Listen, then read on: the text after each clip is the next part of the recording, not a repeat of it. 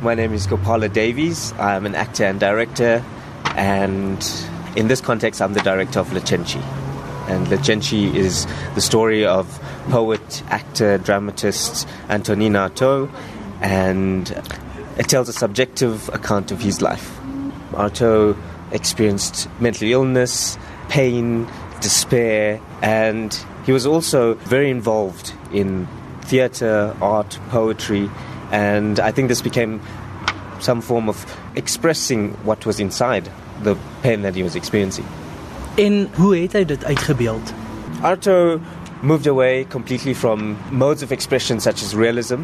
He created his own style, and he believed that theatre needed to be engaging, it needed to be painful, it needed to throw the audience into the middle of the action and not just watch and be entertained. He wanted the audience to be affected, to engage, to learn more of themselves.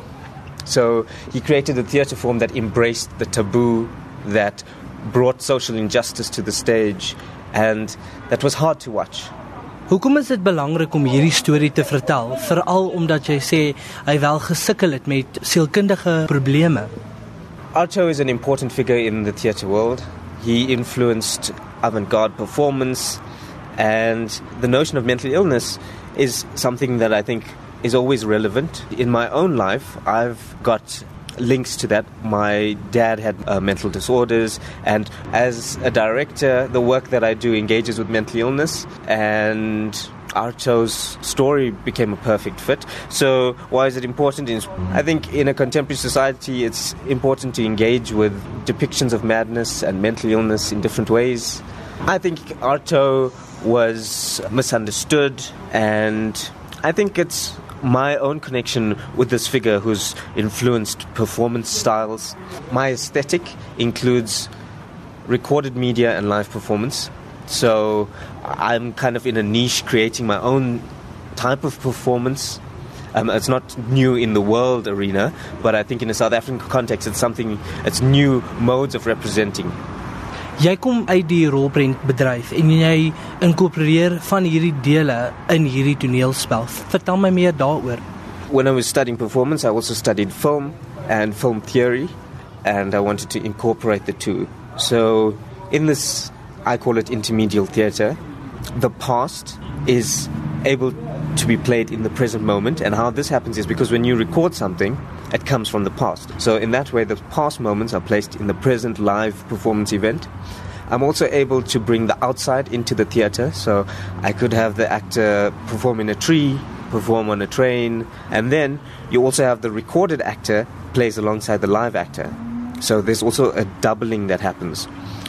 So these intersections of inside, outside, past, present, recorded, and live became very fascinating yeah, that's how my intermedial mode of expression was formed.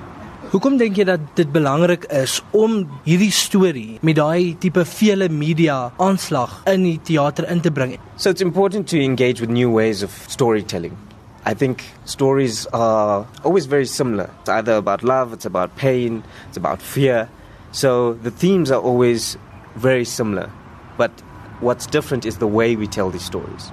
So intermedial theatre becomes another form of telling stories. So my work by no means says realism is bad or we need to move away from realism. It just offers different ways of telling stories.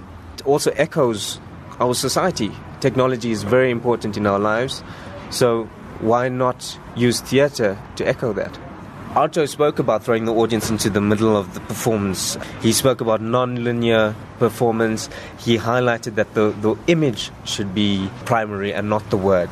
And I think in intermedial theatre we accomplish these things. That's why Le Cenci done intermediately works perfectly because in the performance, the image is what drives the story. It almost becomes a dream. It's an experience rather than a logical beginning, middle and end. Hierdie stuk word nou na ons toe gebring deur werk wat die Universiteit van Johannesburg se Kunstesentrum met die Franse Instituut doen.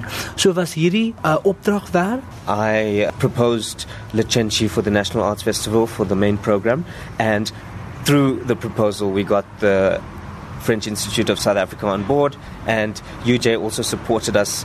We just continued, they assisted in bringing it back to Johannesburg after the festival.